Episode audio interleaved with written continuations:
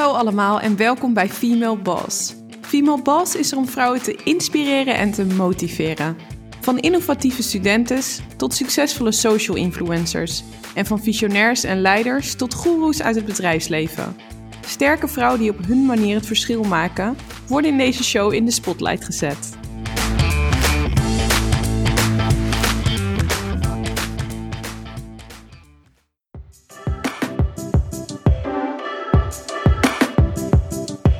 Welkom allemaal bij de derde aflevering van seizoen 3.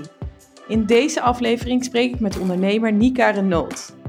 Onlangs liet nieuw onderzoek nog zien dat meer dan de helft van de Nederlanders wel eens is gediscrimineerd in het sollicitatieproces. Diversiteit en inclusie op de werkvloer zijn dan ook nog steeds niet de norm. En daar moet verandering in komen. Nika gaat de strijd aan. Ze richtte samen met Rosa Adoueje het bedrijf Trickle op met als missie bedrijven te helpen aan een diverse en inclusieve werkvloer. Ze doen dit door bedrijven te faciliteren in het anonimiseren van hun sollicitaties, hen te helpen met het afscheid nemen van onbewuste vooroordelen en het creëren van een gelijk speelveld voor iedere werkzoekende. In dit interview leer je van Nika waarom het belangrijk is dat we ons realiseren dat we allemaal vooroordelen hebben, hoe zij sollicitanten helpen bij een eerlijke kans hoe zij bedrijven supporten bij het creëren van een diverse en inclusieve werkvloer, wat microagressie is en hoe je erop kunt reageren, en hoe je zelf kunt zorgen voor meer inclusie in je privé- of werkleven. Luister dus snel mee voor een goede dosis inspiratie en motivatie.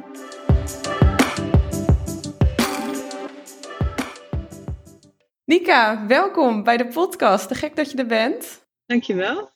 Ik ben heel benieuwd. De vraag waar we altijd mee beginnen bij onze female bosses, dat is: wie was vroeger jouw grote voorbeeld? Of had je een rolmodel? Ehm, ik had niet echt een rolmodel. Um, ik denk dat aan vrouwen dichtbij mij, mijn moeder en allebei mijn oma's, um, dan het dichtst bij hebben gestaan. Drie hardwerkende vrouwen. En wat ik me nog heel goed herinner is uh, dat ik zo blij was uh, op mijn zevende dat uh, Pocahontas uitkwam. Um, en dat is natuurlijk geen rolmodel of voorbeeldpersoon voor mij geweest, maar wel, ja, als ik daar dan nu over nadenk, toch een heel belangrijke factor geweest dat er, dat er iemand was die op mij leek. Wauw, ja. Want dat, je, dat had je tot die tijd nog niet gezien in die vorm? Nou, ik denk dat je er gewoon niet zo mee bezig bent. Al helemaal natuurlijk niet op die leeftijd. Maar het feit dat daar opeens wel iemand was, dat was dan toch heel belangrijk voor mij. Ja. Dus, ja, ik had een levensgrote Pocahontas in mijn kamer hangen. Ja, en dat, is, dat was echt een voorbeeld in ieder geval belangrijk voor jou qua representatie. Dat je iemand in ja. de media in die zin in de, in de film zag die op jou leek voor het eerst. Ja, en dan zeker op die leeftijd, dan heb je uh, Assepoester, Doel Roosje, Bellen, Doel Ariel, ga zo maar door. Ja. ja, dat is allemaal natuurlijk ontzettend leuk om naar te kijken. Je kijkt ernaar omdat je niet beter weet en omdat je, nou ja, in dit land gewoon daarmee altijd te maken hebt. Mm-hmm. Maar het feit dat daar inderdaad iemand was waar ik me echt mee kon identificeren, dat was voor mij heel belangrijk. Ja, wauw. Nou, ik ben heel benieuwd of dat op dat moment al een uh, plantje in je heeft gezaaid qua diversiteit en representatie. Maar daar komen we zo vast nog op. Uh, want jij hebt een kleine twee jaar geleden samen met Roos Trickle opgericht. En uh, het is jullie missie om bedrijven te helpen aan een diverse en inclusieve werkvloer. Kun je uitleggen waarom dit precies nodig is? Um, nou, ik denk sowieso dat alle bedrijven er baat bij hebben als, hun, als ze een inclusief werkvloer hebben, zodat al hun werknemers zich gewoon prettig voelen. Er zijn ontzettend veel onderzoeken waaruit blijkt dat diversiteit in de eigenlijk, nou ja, de breedste zin van het woord, dus dan heb ik het over uh, bijvoorbeeld gender, maar ook uh, culturele achtergrond, uh, dat diverse teams en bedrijven rendabeler zijn. Dus ik denk dat dat sowieso heel belangrijk is. En ja, er zijn gewoon gen genoeg mensen uh, te vinden op allerlei functies eh, die momenteel mm, ja, lastig aan werk komen alleen maar door discriminatie. Dus ik denk dat het zonde is. Je, er is zoveel talent. Ga daar naar op zoek.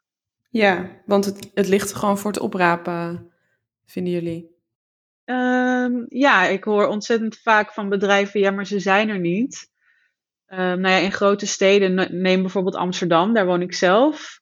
Daar is, dat is nou ja, de meest diverse stad van Nederland. En ik geloof zelfs dat 53% van de mensen een culturele achtergrond hebben. Mhm. Dus ze zijn er wel. Ja.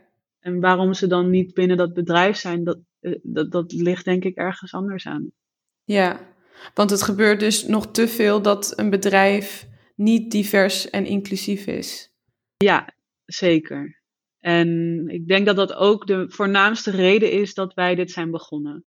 Ja, als je kijkt naar de media, er gebeurt nu wel veel sinds anderhalf jaar, maar als je kijkt naar de media, zeker toen wij met het idee kwamen, um, en veel bedrijven waar je gewoon ja, altijd wel mee te maken hebt, die voor, voorbij komen op uh, social media, is er gewoon ja, te weinig representatie van, denk, vrouwen en kleur, religie, um, maar ook validiteit is heel belangrijk. Of um, ja, de grootste discriminatiefactor uh, in het aannameproces is leeftijd. Dus ja, ik denk wel dat dat uh, een probleem is. Ja, het is dus zo dat niet uh, iedereen dezelfde kans heeft bij het solliciteren op een baan. Nee, absoluut niet.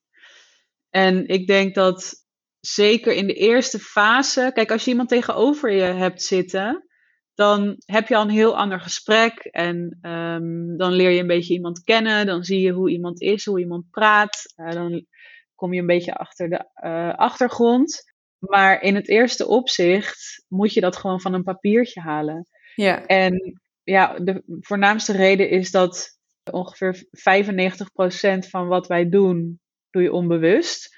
Dus ja, je kan, je kan het jezelf of, of iemand ook niet kwalijk nemen. Maar ik denk dat je wel echt bewust ermee bezig moet zijn dat het gewoon heel erg fout gaat. En dat je om wat voor reden dan ook een cv kan wegleggen zonder dat je daar zelf erg in hebt. Terwijl diegene gewoon eigenlijk voldoet aan alles. Ja.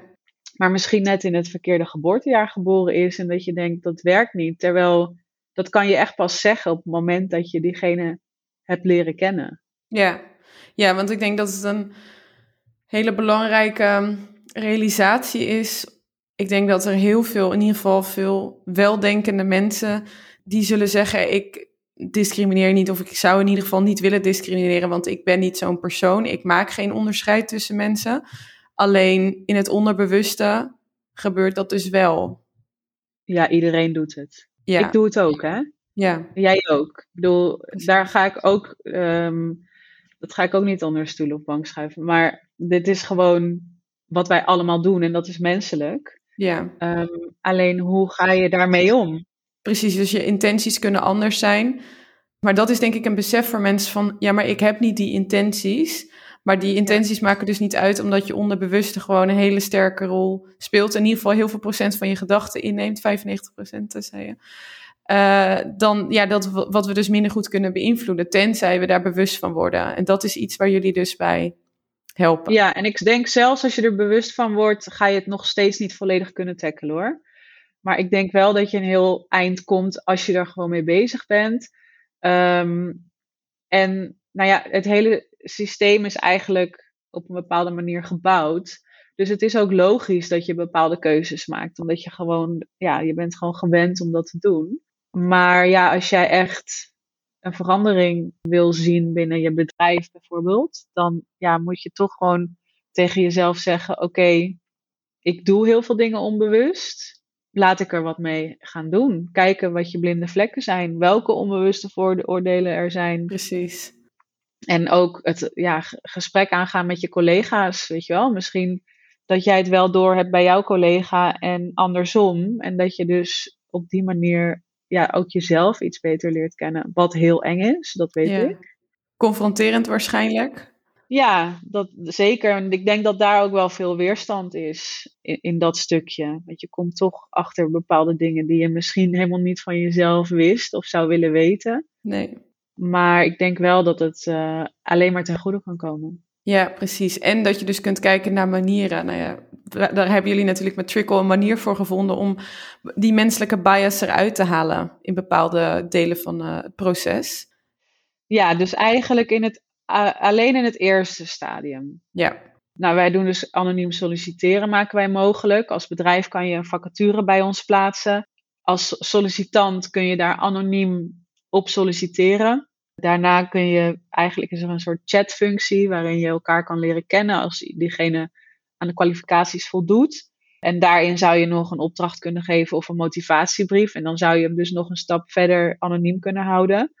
Uh, bij ons gaat het er vooral om dat het gesprek er komt. Ja. Je merkt gewoon te vaak dat het gesprek niet komt omdat die cv al is weggelegd. Terwijl, waarom eigenlijk? Ja. En ik, de regie hou je volledig in eigen handen. Je kijkt gewoon naar wat zijn iemands kwaliteiten, ervaringen, uh, skills. En daar heb je gewoon geen naam, geboorteplaats of uh, leeftijd voor nodig. Nee. Je moet gewoon weten wat iemand kan. En op het moment dat, dat dat voldoet aan wat jij nodig hebt, dan kun je daar een selectie in maken. Dan behoud je dus eigenlijk ja, kwalitatief de beste mensen. Mm-hmm. Daar ga je mee zitten. En dan moet je natuurlijk nog kijken: heb ik een klik? Is dit inderdaad wat het is? Maar er, het gebeurt gewoon heel vaak dat er mensen worden aangenomen omdat zij lijken op de rest van het bedrijf. En dat is dan vertrouwd. En die, zijn, die hoeven helemaal niet per se uh, kwalitatief goed te zijn. Maar toch zitten ze daar. Ja, precies. Ja, en dat is ook iets wat een andere female boss, Diana van Maasdijk, uh, ook aangaf. Meer ook over die business case, om het maar even zakelijk ook interessant te maken. Los van dat het natuurlijk de norm zou moeten zijn dat je een diverse en inclusieve werkvloer hebt. Dat het ook zakelijk gezien en economisch gezien echt een must-have is, zeg maar, als organisatie. Dat je dat gewoon moet zijn, want je wilt een afspiegeling zijn van de maatschappij. En daardoor kun je ook succesvoller zijn. En dat zag zij ook in haar cijfers uh, uh, van haar index data. Dus dat is ook heel interessant dat het ook echt oprecht Ja. werkt en dat de cijfers er ook echt naar zijn. Ja, nou ja, je wordt gewoon creatiever als je een divers team hebt. Omdat je gewoon ja, allerlei verschillende mensen hebt. En ja, inderdaad, de cijfers liegen er niet om. Er zijn ontzettend. Mc- eh, McKinsey en eh, Company heeft ook heel veel eh, cijfers hierover gepubliceerd. En het lastige is, ja, je moet eerst even investeren. Dat kost geld. Dus eh, ga je een training doen en dan misschien gebruik maken van anoniem solliciteren en dan misschien nog een consultant of een ander traject, dat, dat kost geld. Maar uiteindelijk zou je daar dus alleen maar baat bij moeten hebben, omdat je bedrijf gewoon rendabeler wordt. Ja. Dus dat, dat, dat verdient zichzelf terug. ja. En kun je een voorbeeld noemen van een bedrijf dat jullie hiermee hebben geholpen? Ehm, nou, of ik die naam ga noemen, weet ik even niet. Nee, hoeft niet Maar ehm, wat ik wel, ik heb iemand gesproken die heeft gebruik gemaakt van eh, ons platform, anoniem solliciteren. En die wilde dat doen omdat het team bestond volledig uit witte vrouwen. En zij vond dat daar wel wat diversiteit in mocht Mhm. eh, klein bedrijf. En zij zijn over, ja, met ons aan het werk gegaan. En zij hebben uiteindelijk gekozen uit twee mensen om een sollicitatiegesprek mee te doen. En die zijn ook echt daar naar kantoor gekomen. Eén daarvan was vrouw van kleur en één daarvan was een man, een witte man. Dus zij belde mij en ze zei: ja, Ik heb nog niemand aangenomen, maar hoe dan ook, hebben we dus wel die Ja. kwaliteit te pakken. Ja, goed. Dus ze zei ook van ja, ik ben eigenlijk me een beetje gaan afvragen hoe ik dat dan al die jaren heb gedaan. Ja, En of ik me ervan bewust ben geweest dat ik daar misschien op heb geselecteerd. wauw. Eh, en dat het dan nu anoniem is gegaan. En ja, wie ze ook had, aannam van die twee, het zou of diverser worden in kleur of in gender. Ja, Dus daar, ja, zij belde op om, om toch wel eventjes aan te geven dat het was gelukt. oh, wat goed. En dat is dan voor ons heel fijn. Wat een fijne openbaring voor haar. Dat, Ja, en en, dat voor ons ook, hè? Ja, dat zeker. het werkt. Ja, be- extra bevestiging. En wel interessant, want je, het is dus niet zo. Want ik kan me voorstellen dat veel organisaties nu een beeld hebben bij... oké, we willen eh, een meer diverse organisatie... als je het vooral hebt over het, het aannamebeleid ook. Maar het is niet zo dat er wordt geselecteerd. Wordt juist, jullie gaan juist uit, niet uit van de positieve discriminatie. Jullie hebben daar ook wel echt tegen uitgesproken van we willen niet dat iemand wordt aangenomen met die reden. Ja, want ik zou dat zelf ook niet willen. En ik denk ook dat je verkeerd binnenkomt. In een bedrijf eh, zijn er al gesprekken van: oké, wat willen we op die functie hebben? Wat voor iemand zou daar goed kunnen zijn? En als je dan van tevoren al hoort van: nou ja, we hebben misschien wat kleur nodig. En daardoor vallen alle witte mannen en vrouwen eigenlijk af. Dan, dan kom je verkeerd binnen. Zeker als er bijvoorbeeld mensen via via zijn aangedragen en om die reden al niet door zijn. Mhm. En ik denk als je daar op die manier zelf binnenkomt, dan ben jij niet aangenomen om wat jij kan, maar omdat dat bedrijf jou nodig heeft als token. Dus nee, wij zijn daar zeker niet voor. Nee. Ik denk dat het uh, goed is als iemand wel echt om kunnen wordt aangenomen. Dus jullie zijn ook niet voor diversiteitsquota in die zin? Nee, eigenlijk niet. Nou denk ik wel dat er uh, corporates zijn die, weet je wel, bedrijven die zo ontzettend groot zijn, die gaan dat ja, anders misschien binnen aanzienlijke tijd gewoon niet kunnen klaren. Mhm. En als je zo'n groot bedrijf hebt en je hebt het over percentages, dan denk ik dat je alsnog als bedrijf wel de keuze maakt om gewoon voor de beste te gaan. En dan, weet je wel, dan, dat werkt gewoon anders. Met 500 sollicitanten heb je gewoon toch een veel breder bestand waaruit je kan kiezen. Ja. Maar ja, op het moment dat de verdeling daar is, dan zou ik dat inderdaad niet aanraden. Want ik denk gewoon niet dat het goed is voor je bedrijf en voor je, voor je personeel. Ja, want het had ook zo kunnen zijn dat diegene die dan de diversiteit gaat brengen, dat die ook gewoon de beste was. Alleen dat weet je dan niet zeker. Dat als weet met je die dan reden niet. wordt aangenomen. Dus helder, dus jullie vinden het gewoon heel belangrijk dat iedereen gelijke kansen heeft. En op die manier kan er dan diversiteit ontstaan onder alle mensen die vanaf nu aangenomen worden. Ja, en, en ik denk op het moment dat je dat, dat je op die manier werft en echt laat zien van, nou ja, wij als bedrijf staan er echt voor om iedereen te verwelkomen. Dus wij schakelen onze eigen onbewuste vooroordelen uit op deze manier. Dan zal je ook diverser talent aantrekken. Ja, Dat is iets, mensen horen dit. Bedoel, eh, als ik ergens wil werken, dan ga ik ook echt kijken naar, weet je, hoe uit een bedrijf zich? Ja, Uh, hoe ziet een website eruit? Wat is hun missie? Hoe ziet hun social media eruit? En als ik denk van, nou, dit is wel iets wat mij aanstaat, het ziet eruit alsof echt iedereen hier zichzelf kan zijn, dat, voel je wel een beetje, dan zou ik daarop kunnen uh, solliciteren. ja. En volgens mij bleek ook uit een onderzoek van McKinsey dat, dat er zoveel mensen zijn die dat een heel belangrijk onderdeel vinden om ook ergens te gaan werken bij een bedrijf. Dus dat zwaarwegende maakt ook iets hoe aantrekkelijk je jezelf maakt als werkgever. Ja, absoluut. En ik denk ook, kijk, er zijn natuurlijk heel veel bedrijven die echt nu bezig zijn met deze topic, omdat het gewoon heel belangrijk is. En ik denk dat het vooral ook daar goed is om als bedrijf te zeggen, weet je, wij zijn ermee bezig. Dit is voor ons een belangrijk onderdeel, maar we zijn er ook nog niet. Ik denk als jij als bedrijf aangeeft van, nou, wij kunnen het wel, dus kom maar hier, dan heb je eigenlijk een aantal stappen overgeslagen, want niemand kan dit wel. Nee. Het is gewoon een heel ja, kwetsbaar onderwerp waar je eigenlijk nooit helemaal perfect zit. Omdat er gewoon ontwikkelingen zijn constant. Ja, ja. Dus ja, het is niet erg om te zeggen, ik zit nog in het traject. Precies, dus het gaat vooral om het erkennen. Ja, ik denk dat dat heel belangrijk is. Ja. En hoe weet een bedrijf van zichzelf of het divers en inclusief is? Wat zou daar Ehm, um, de graadmeter voor kunnen zijn? Ik denk dat je sowieso het gesprek aan kan gaan met um, jouw eigen personeel. Hoe inclusief jij bent, dat is iets, dat heeft ook te maken met hoe jouw werk, werknemers zich voelen.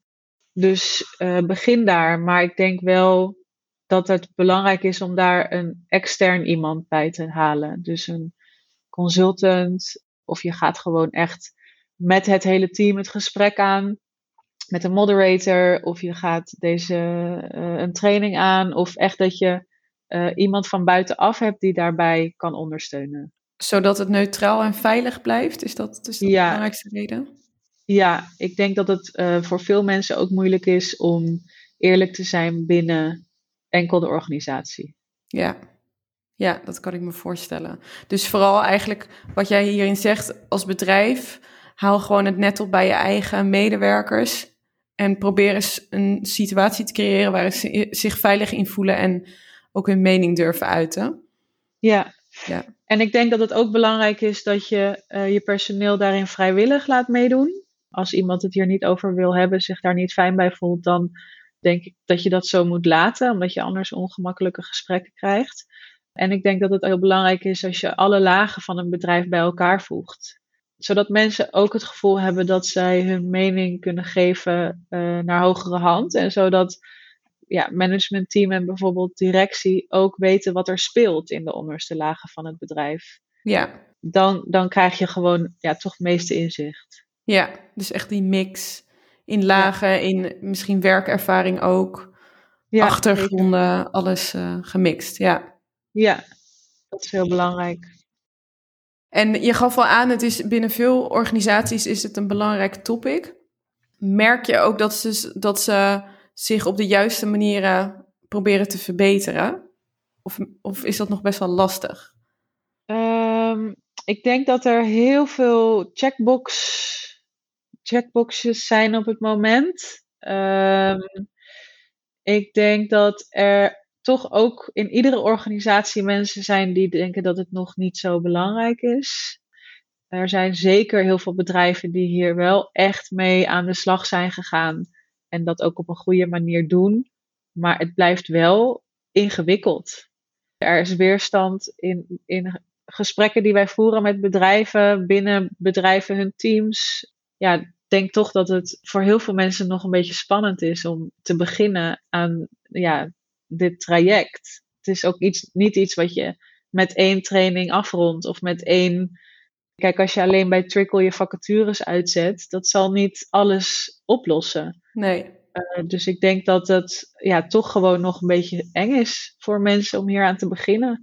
En te realiseren dat ze ja, een stukje zelfreflectie komt erbij kijken. En ja, je gaat toch objectief moeten kijken naar uh, ja, organisatie en hoe heb je het de afgelopen jaren gedaan. Misschien is dat helemaal niet de juiste manier. Ja. Uh, dus ja, er speelt, er speelt veel ja. in, hierin. En op jullie website schrijven jullie over de anonieme werving. Dat is een grote stap in de richting van een meer diverse werkplek. En dat dat een goed begin is, maar dat er meer nodig is voor een meer inclusieve bedrijfscultuur, wat je nu ook inderdaad aangeeft. En dat daarom Trickle zich ook inzet om meer inclusie te creëren en te behouden door het geven van diversiteitstrainingen en uh, educatie over waarom we, waarom we bepaalde vooroordelen hebben en hoe we dit kunnen herkennen. Dus dat is een belangrijk onderdeel of een noodzakelijk onderdeel van dit proces. Want inderdaad, wat je zei, je kunt mensen binnenhalen, maar dan niet binnenhouden. En jullie zien dus veel organisaties die hierbij om hulp vragen. En dan zonder dus namen en rugnummers te noemen. Maar wat zijn voorbeelden van situaties die jullie tijdens trainingen zijn tegengekomen? Of die jullie in ieder geval duidelijk maakten van hé, hey, het is belangrijk dat we hier komen helpen? Um, situaties tijdens trainingen. Ik denk dat het vooral kenmerkend is dat wanneer je een team hebt. Kijk, wij doen bijvoorbeeld trainingen van 15 personen. Er zijn altijd mensen die denken: het zit wel goed hier. Uh, en iedereen denkt er hetzelfde over als ik. Terwijl je merkt gewoon dat de meningen hierover en de kennis hierover echt zo uiteenlopend is. Ook mm -hmm. binnen hetzelfde bedrijf we hebben ook onze training bieden wij aan met een uitloop van zeker een half uur. Dat daar rekening mee wordt gehouden. Omdat het gesprek wat op gang komt, je merkt gewoon dat collega's echt van elkaar leren ook. Ja. En kijk, wat bijvoorbeeld een belangrijk onderdeel is in onze training is microagressies. Uh, dat zijn dus bijvoorbeeld opmerkingen die vaak worden weggelachen, of het zijn grapjes die wel echt betrekking hebben op iemand als persoon. Maar ze, zijn, ze worden ook micro genoemd, want het zijn gewoon kleine opmerkingen, maar wel vaak opmerkingen die uh, terugkomen. Ja. Dat zijn, dat zijn dingen die vaak op de werkvloer gebeuren. Ik denk dat er zeker bijvoorbeeld tussen mannen en vrouwen vaak dingen worden gezegd. Die, ik denk als je dat elke dag hoort, gewoon niet meer leuk zijn. Ja. Daar moet iemand zich wel echt bewust van zijn. Ja. Ehm, en die microagressies, die heb je altijd op de werkvloer. Dus elk bedrijf wat bij ons een training doet en met elkaar dit gesprek voert, komt er wel achter dat het heel belangrijk en nodig is. Ja, dus, want dat is meer ook de realisatie van, we kunnen wel denken dat we divers zijn, omdat we misschien inderdaad wel een diverse organisatie hebben, maar dat stukje van het echt inclusief zijn, dat is echt een tweede stap en dat is waarschijnlijk vaker nog niet het geval. Nee, en ik denk ook dat het een echt een eye-opener is. Hè? Ik heb wel eens van een collega te horen gekregen, notuleer jij maar, dat is echt een vrouwentaakje. Oh, wow. Ja, dat zijn, dat zijn opmerkingen, daar, daar moet je het dan over hebben. Ja. En ik kan er dan eh, op datzelfde moment wel iets van zeggen, Mhm. maar gaat dat het oplossen? Of is iemand zich daar echt van bewust totdat het hele team eigenlijk over zo'n opmerking praat? Ja. Dus ik denk dat dat het allerbelangrijkste is. En heb jij daar tips voor? Want ik kan me voorstellen, ik denk dat veel luisteraars dit herkennen, dat, er, dat iedereen heeft wel eens zo'n vorm meegemaakt, dat er een opmerking wordt gemaakt die eigenlijk niet passend is of die iets met jou doet in negatieve zin. Kon jij op dat moment daar direct op reageren? Want dat is vaak het geval, hè, dat je, je bent er zo van overdonderd en je kan bijna eigenlijk niet geloven dat iemand dat zegt. En een kwartier later denk je, oh, dat had, hier had ik zo op moeten reageren. Nou, het gekke is eigenlijk dat het vaak opmerkingen zijn die je zo vaak hoort dat je ook denkt, het is er weer één. Weet je wel, het, het is niet dat ik daar dan mee van wakker kan liggen, maar zeker, ik zeg er wel vaak iets van. Dat verschilt natuurlijk een beetje per opmerking. En wij raden ook aan, uh, als er zo'n microagressie komt, dat je bijvoorbeeld gewoon de vraag stelt: waarom? Weet je, waarom is dit een vrouwentaakje? En dan moet Mhm. iemand gaan nadenken. Um, ja, omdat in wat, 1930 waren, het, waren secretaresses altijd vrouwelijk. Ja, wat is dan je antwoord? Ja. En wat wij ook altijd als tip geven, op het moment dat jij een microagressie maakt, want ook dat doen wij allemaal, Mhm. en iemand zegt daar wat van, uh, ga niet gelijk in de verdediging. Ah joh, stel je niet aan, het was maar een grapje. Dat is dan vaak wat je hoort. Ja. Maar incasseer dit en zeg gewoon, oké, okay, bedankt dat je me hier even op wijst. Ja, dit is een leermoment. Ja, sorry, ik ga dit proberen niet meer te doen. Ja. Weet je, dan, dan ben je eigenlijk gewoon allebei al een stap verder. Ja. En dat is altijd een beetje het ingewikkelde. Kijk, ik weet dat als ik er wat van zeg wanneer ik zo'n opmerking krijg, heb je geheid discussie.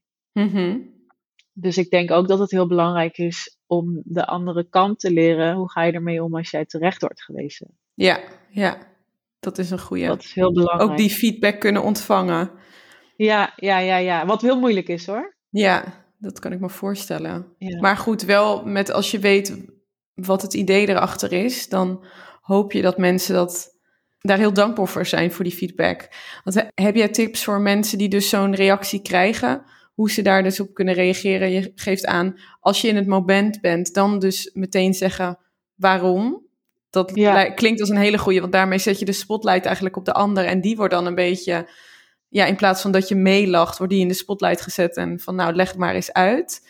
En Ja. wat adviseer je aan mensen? Stel dat het is gebeurd en je dus een kwartier later denkt, of dezelfde avond lig je in bed en je denkt, ik vond het eigenlijk heel vervelend. Hoe ga je daarmee om? Ik denk dat je daar best wel gewoon op terug kan komen. Ik denk ook dat een goede is wanneer je zo een krijgt en je weet gewoon even niet wat je ermee moet, dat je gewoon zegt: Ik kom hier even op terug.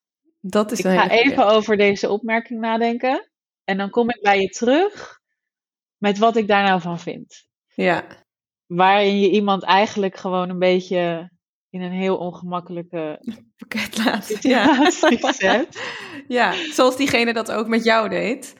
Nou ja, want kijk, ik denk op het moment dat jij dit soort opmerkingen altijd maar moet incasseren, dan kan het best wel zijn dat je daar ook mee naar bed gaat en dat je daar s'avonds thuis in, eh, over nadenkt en denkt, shit, dit vond ik eigenlijk helemaal niet leuk. Ja, En op het moment dat jij zegt, hier kom ik even bij het op terug, dan gaat diegene misschien ook in bed liggen, shit.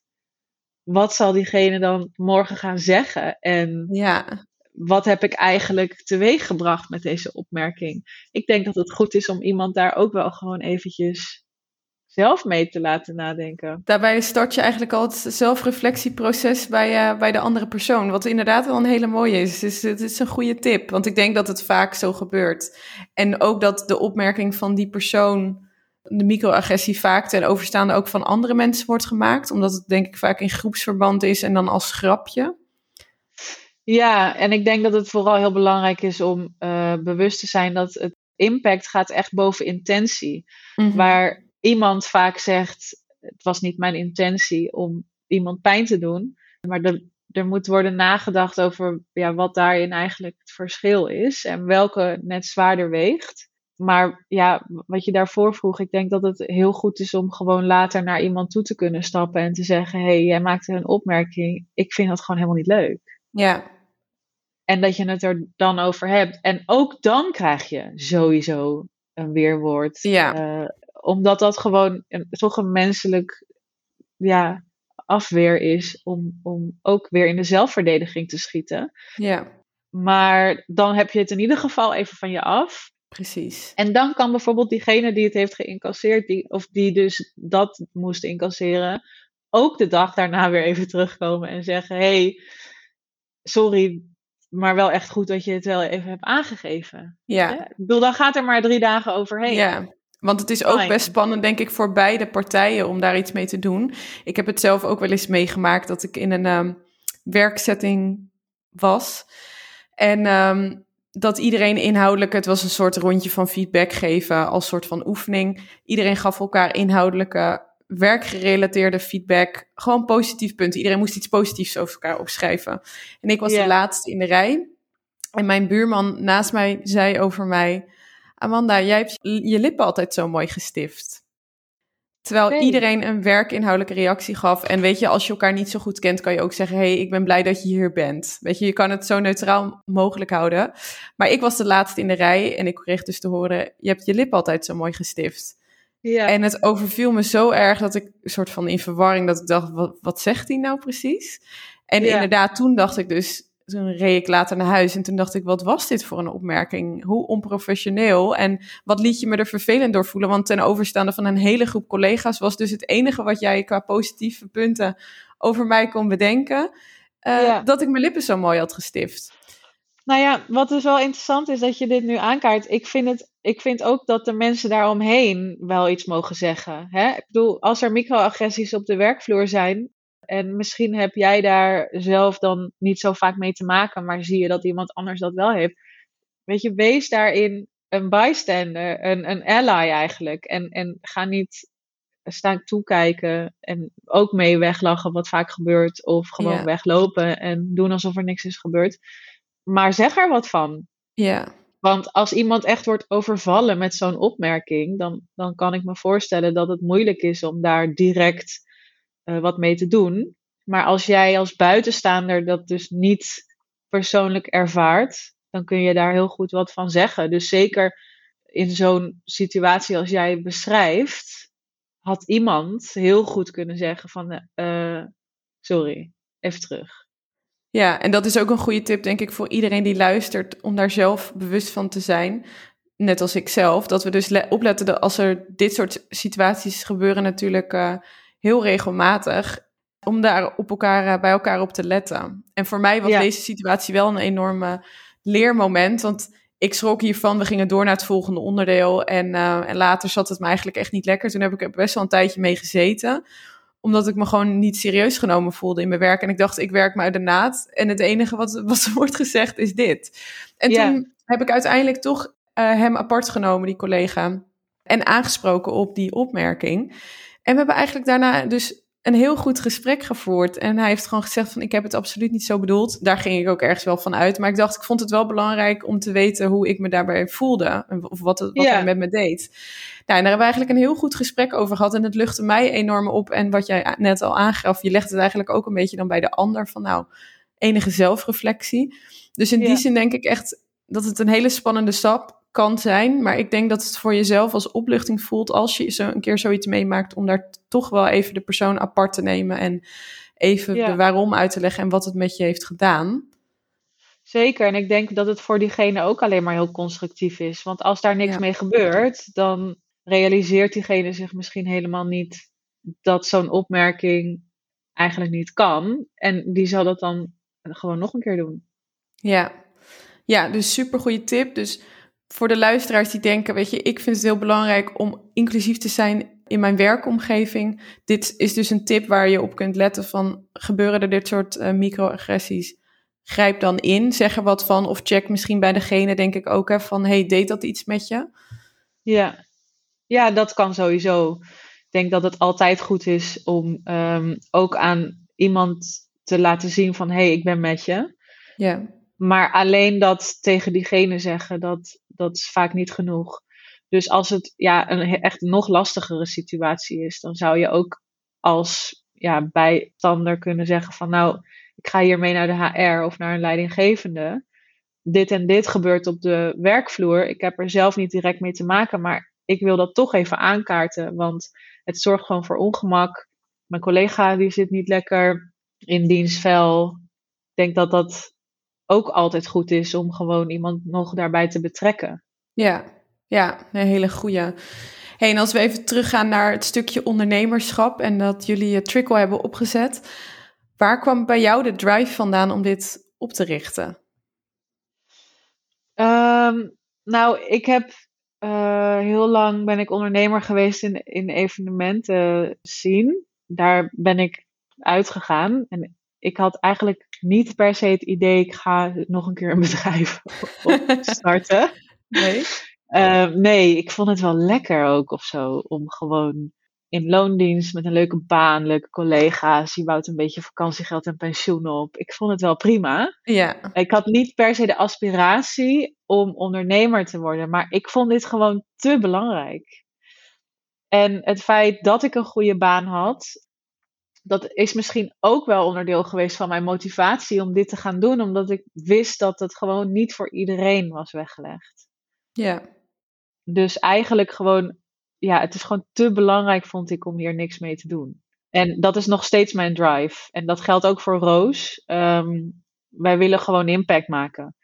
En weet je, wij helpen eh, hier en daar mensen ook wel eens in, in onze vrije tijd, omdat we het gewoon belangrijk vinden. ja, Dus ja, wij gaan gewoon door totdat eh, wij de norm zijn met anoniem solliciteren. En eh, Trickle in, internationale corporate eh, wat goed. Ja, is. en gewoon zodat er echt gelijke kansen voor iedereen ontstaan.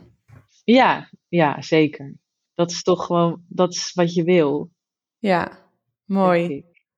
En is er iets, als je kijkt naar de dingen die je nu weet, zijn er dingen die je had willen weten toen je jonger was? Ehm, ik denk dat ik wel meer bewustzijn had willen krijgen van mijn omgeving. Wat discriminatie eigenlijk is en hoe erg dat speelt. Ik denk dat je, zeker ook als kind, zo'n Pocahontas verhaal, dat realiseer ik me dan wel op het moment dat dat uitkomt. Maar waarom is dit zo belangrijk voor mij geweest op die leeftijd? Ik denk dat het echt goed is om ja, toch daarover meer in gesprek te gaan, ook met kinderen en, en tieners, weet je wel. Ik ben vrouw van kleur en ik zat echt op de allerwitste school van de hele omgeving, Oh. volgens mij. Wauw. En ja, daar, vecht je jezelf wel doorheen. Maar heel veel ja, dingen zijn toch gebeurd waarin je dan denkt: zou dat dan discriminatie zijn of niet? En waarom dan? En weet je, er zijn ook momenten dat je dan aan jezelf gaat twijfelen. eh, of aan iemand gaat twijfelen. Dus ik denk wel dat ik daarin iets meer had willen leren. Kun je een voorbeeld noemen van een situatie die wat ooit is voorgevallen?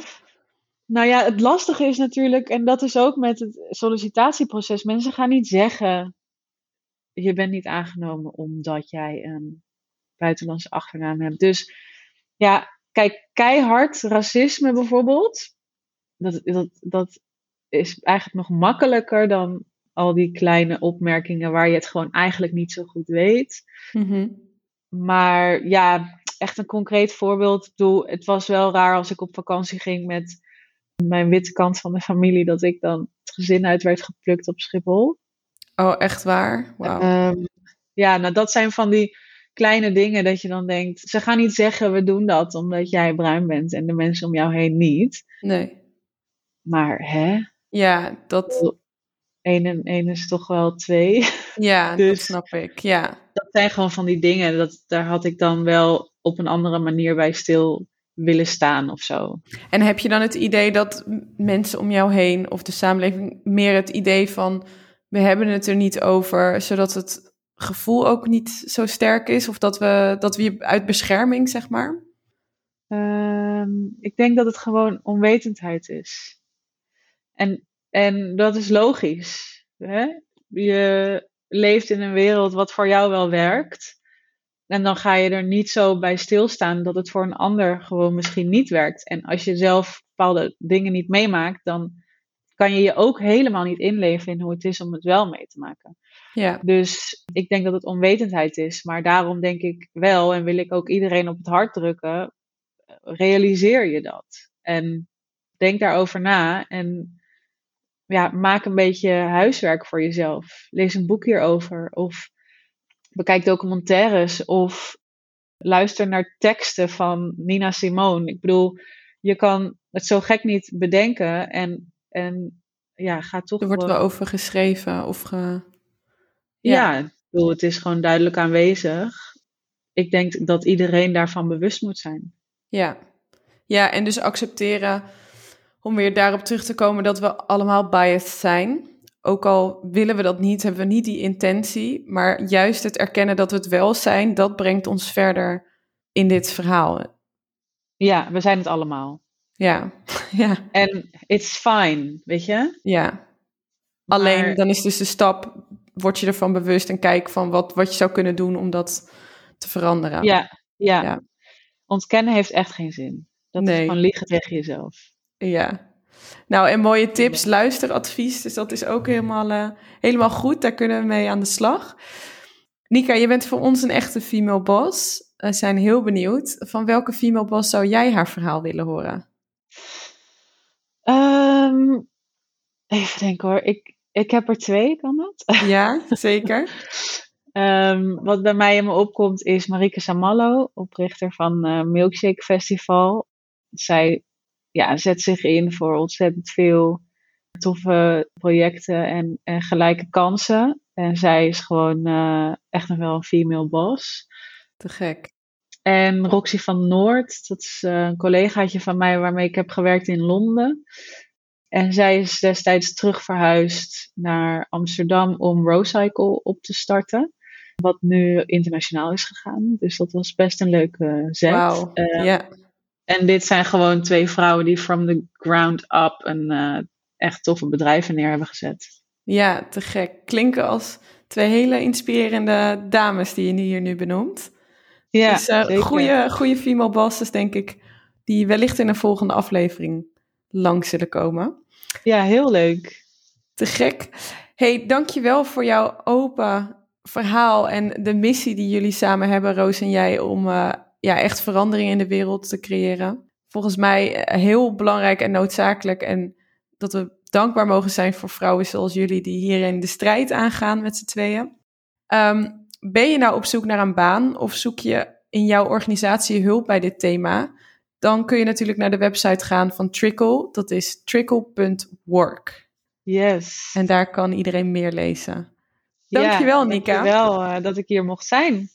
Dank voor het delen van je verhaal en eh, we gaan jullie volgen. Leuk, dankjewel. Heb je genoten van deze podcast? Ik zou het te gek vinden als je een review achter zou willen laten. En je je via Apple Podcast abonneert op deze show. Op die manier kunnen we samen meer vrouwen inspireren, motiveren en waarderen. Alvast bedankt en tot snel!